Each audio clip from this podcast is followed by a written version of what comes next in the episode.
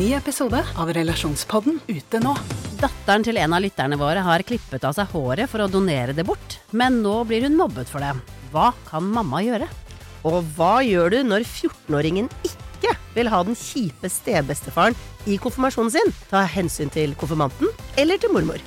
Hør Relasjonspodden gratis der du hører podkast.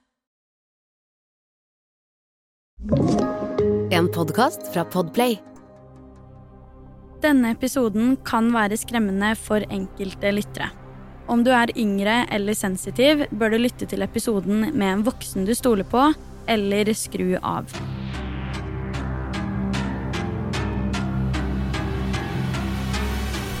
Hei og velkommen til en helt ny episode av Forsvinningsfredag podkast. I denne ukens episode skal jeg ta for meg saken om 14 år gamle George Stinney jr., som faktisk er den yngste personen til å ha blitt henrettet i det 20. århundre i South Carolina. Saken hans er blant de verste, mye fordi at den omhandler barn. Av den grunn så vil jeg be deg om å ta advarselen i begynnelsen av episoden litt ekstra på alvor denne uken. Så skal jeg fortelle deg den ufattelig triste historien om George Stinney jr.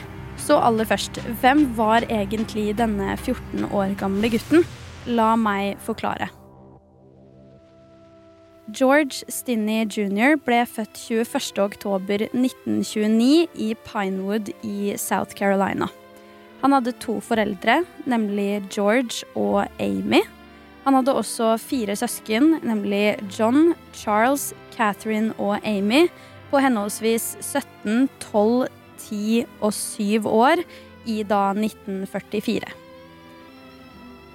Faren til George og søsknene jobbet på det lokale sagbruket, og gjennom jobben så fikk han også bolig, så familien Stinney bodde i det som ble kalt en firmabolig på den tiden.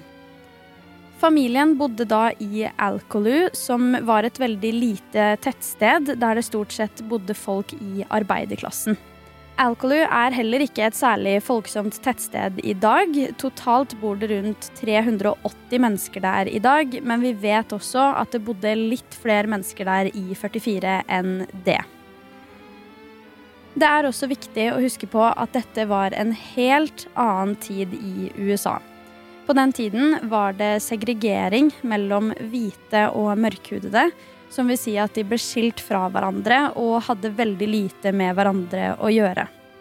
Skoler, kirker, dagligvarehandel og alt mulig ble segregert i tillegg til nabolagene. Dette aspektet av saken har veldig mye å si for utfallet, så jeg kommer tilbake igjen til det her utover i episoden. Men en viktig detalj her er at Alcolu på denne tiden var delt i to, og det ble skilt mellom mørke og lyse. Nå som du har fått litt kontekst til hvem George var, så skal jeg fortelle deg hoveddelen av denne historien. Den 22. mars 1944 økte uroen i Alcolu da to unge jenter på 11 og 8 år ikke kom hjem til avtalt tid. De to ble sist sett på syklene sine da de skulle finne blomster rundt om på tettstedet, og hadde også stoppa innom huset til George Stinney jr., som på tidspunktet var ute sammen med søsteren sin Amy. Jentene hadde da stoppa her for å spørre om de visste hvor de kunne finne pasjonsblomster. Dagen etter, den 23. mars 1944, ble likene av henholdsvis 11 og 8 år gamle Betty June Binnicker og Mary Emma Thames funnet i en grøft på den afroamerikanske siden av Alcaloo etter at Betty og Mary ikke hadde kommet hjem til familiene sine kvelden før.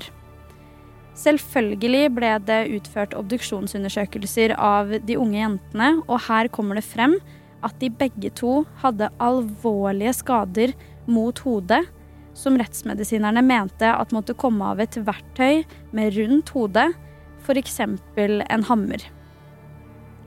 Rettsmedisineren fant ingen tegn til seksuelle overgrep, men underlivet til den eldre jenta hadde likevel skader. Dette funnet skal være begynnelsen på hele denne saken.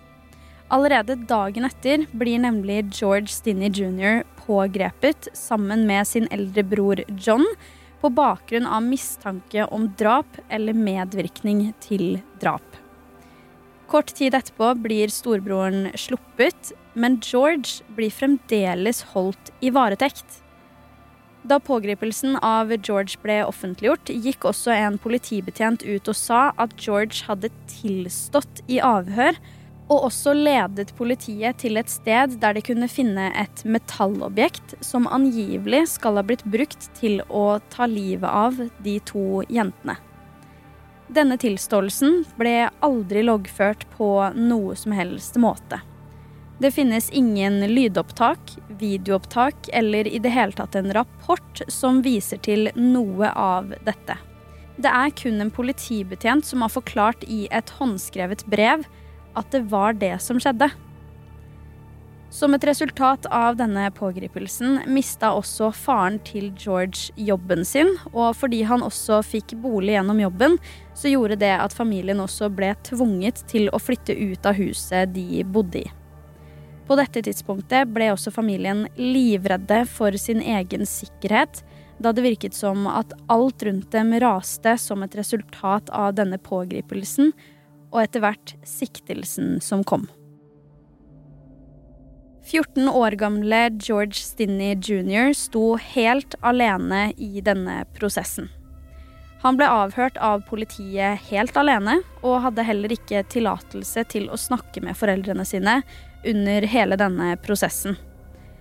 Alt dette her gjør at rettssaken mot 14-åringen skjer så fort som 24. april 1944, bare en måned etter at jentene ble funnet døde. I dette tilfellet ble George Stinney jr.s rettssak rett og slett urettferdig og uriktig. Det er flere faktorer til dette, men i første omgang er det sånn at påtalemyndigheten egentlig ikke hadde noen bevis for påstandene de la frem i retten, som kanskje ikke er så rart, tatt i betraktning at det kun tok en måned fra likene ble funnet og til 14-åringen sto i retten.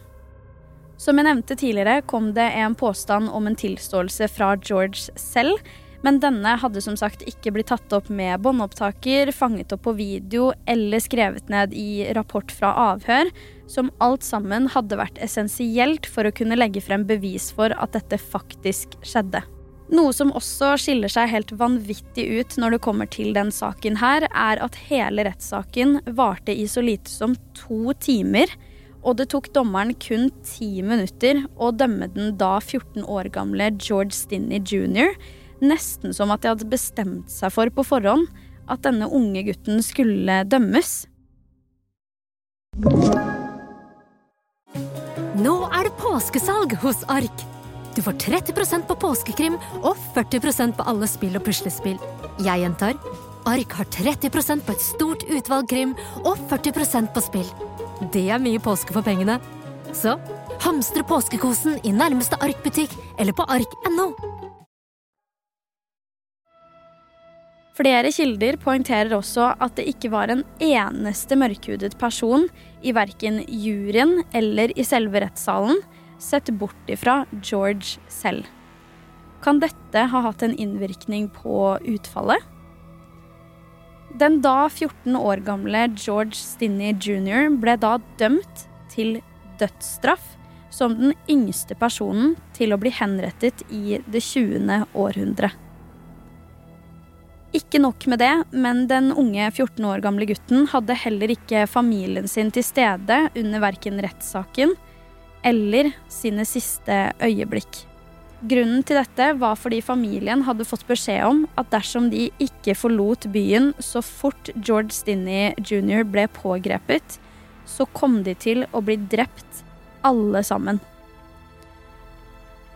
Akkurat dette her sier så vanvittig mye om både denne saken og egentlig også hvordan situasjonen var rent samfunnsmessig på denne tiden. 14 år gamle George Stinney jr. ble henrettet ved hjelp av en elektrisk stol. Og rundt dette finnes det noen detaljer jeg syns er helt vanvittig grusomme. Fordi George var 14 år og både lav og liten, så fikk han egentlig ikke plass i den elektriske stolen, da den var laget for et voksent menneske. Jeg vil også poengtere at jeg nå kommer til å skildre selve henrettelsesøyeblikket, så det kan være skildringer som er litt vanskelig å høre på for enkelte, så spol litt frem hvis du ikke ønsker å høre det. Det finnes nemlig bilder av George som er på vei til det de kaller death row, som i bunn og grunn er avdelingen i fengselet hvor alle som har blitt dømt til dødsstraff, oppholder seg, da i påvente av å bli henretta. På dette bildet kan vi se George bære med seg en bibel i hånda.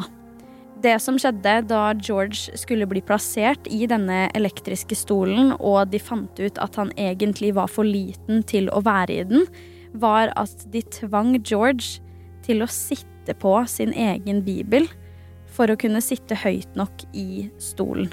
Ikke nok med det, men masken som George fikk på seg i denne stolen, var også altfor stor, fordi det igjen var laget for et voksent menneske. Det resulterte i at denne masken underveis falt ned etter det første elektriske sjokket, slik at de som var til stede, kunne se de gråtende øynene til 14-åringen, og også væsken som kom ut av munnen hans underveis. Jeg klarer virkelig ikke å forstå at det i det hele tatt går an å tillate at en 14-åring kan bli dømt på så kort tid uten noen tekniske bevis eller indisier som i det hele tatt knytter han til åstedet, for deretter å henrette han. Det verste med det her er at politiet i South Carolina endelig, etter 70 år, kom ut og sa at George Stinney jr. ikke var skyldig i drapene på disse to jentene. Dessverre så er ikke dette den eneste saken der det har skjedd at en person har blitt feilaktig dømt, og deretter blitt henrettet på falskt grunnlag. Og det er så forferdelig å tenke på. I 1995 skjedde det noe veldig spesielt i forbindelse med denne saken.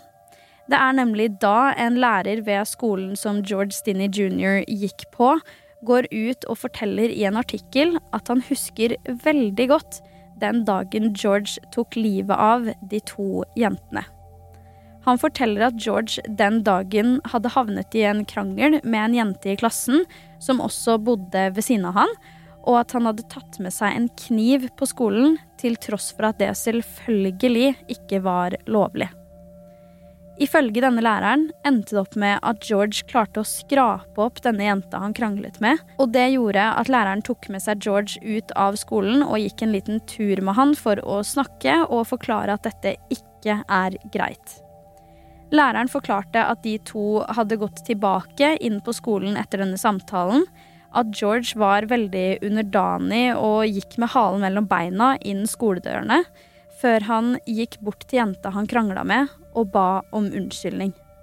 Søsteren til George, nemlig Amy, som også var med George i det aktuelle drapstidspunktet, avkreftet disse påstandene umiddelbart, og hadde også kommet i kontakt med den aktuelle læreren for å prate med han. Ifølge søsteren hadde hun spurt eh, denne læreren om hvordan han kunne si noe sånt, vel vitende om at det ikke var sannheten, og da skal han angivelig ha svart at han ble betalt for å si det. Dessverre er det umulig å si hvorvidt hennes versjon stemmer også, fordi denne læreren døde nemlig kort tid etter at intervjuet hans i denne artikkelen ble publisert. Så hva tenker du om denne saken? Er det sannsynlig at George begikk disse drapene? Og i så fall, er det rettferdig at han fikk en dødsstraff i så ung alder? Om det er sånn at George er uskyldig, bør de som henrettet han få en straff for å ha henrettet han uten skikkelig grunnlag? Og hva med dommeren og påtalemyndigheten? Burde de få noen konsekvenser? Send meg veldig gjerne dine meninger på Instagram, der jeg heter Forsvinningsfredag. Du har hørt Forsvinningsfredag podkast med meg, Sara Høydahl. Tusen takk for at du lytta til episoden. Du og jeg lyttes allerede neste fredag.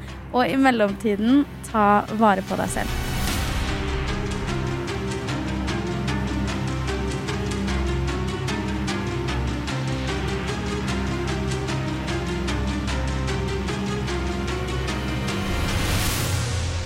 Du har hørt en podkast fra Podplay. En enklere måte å høre podkast på. Last ned appen Podplay eller se podplay.no.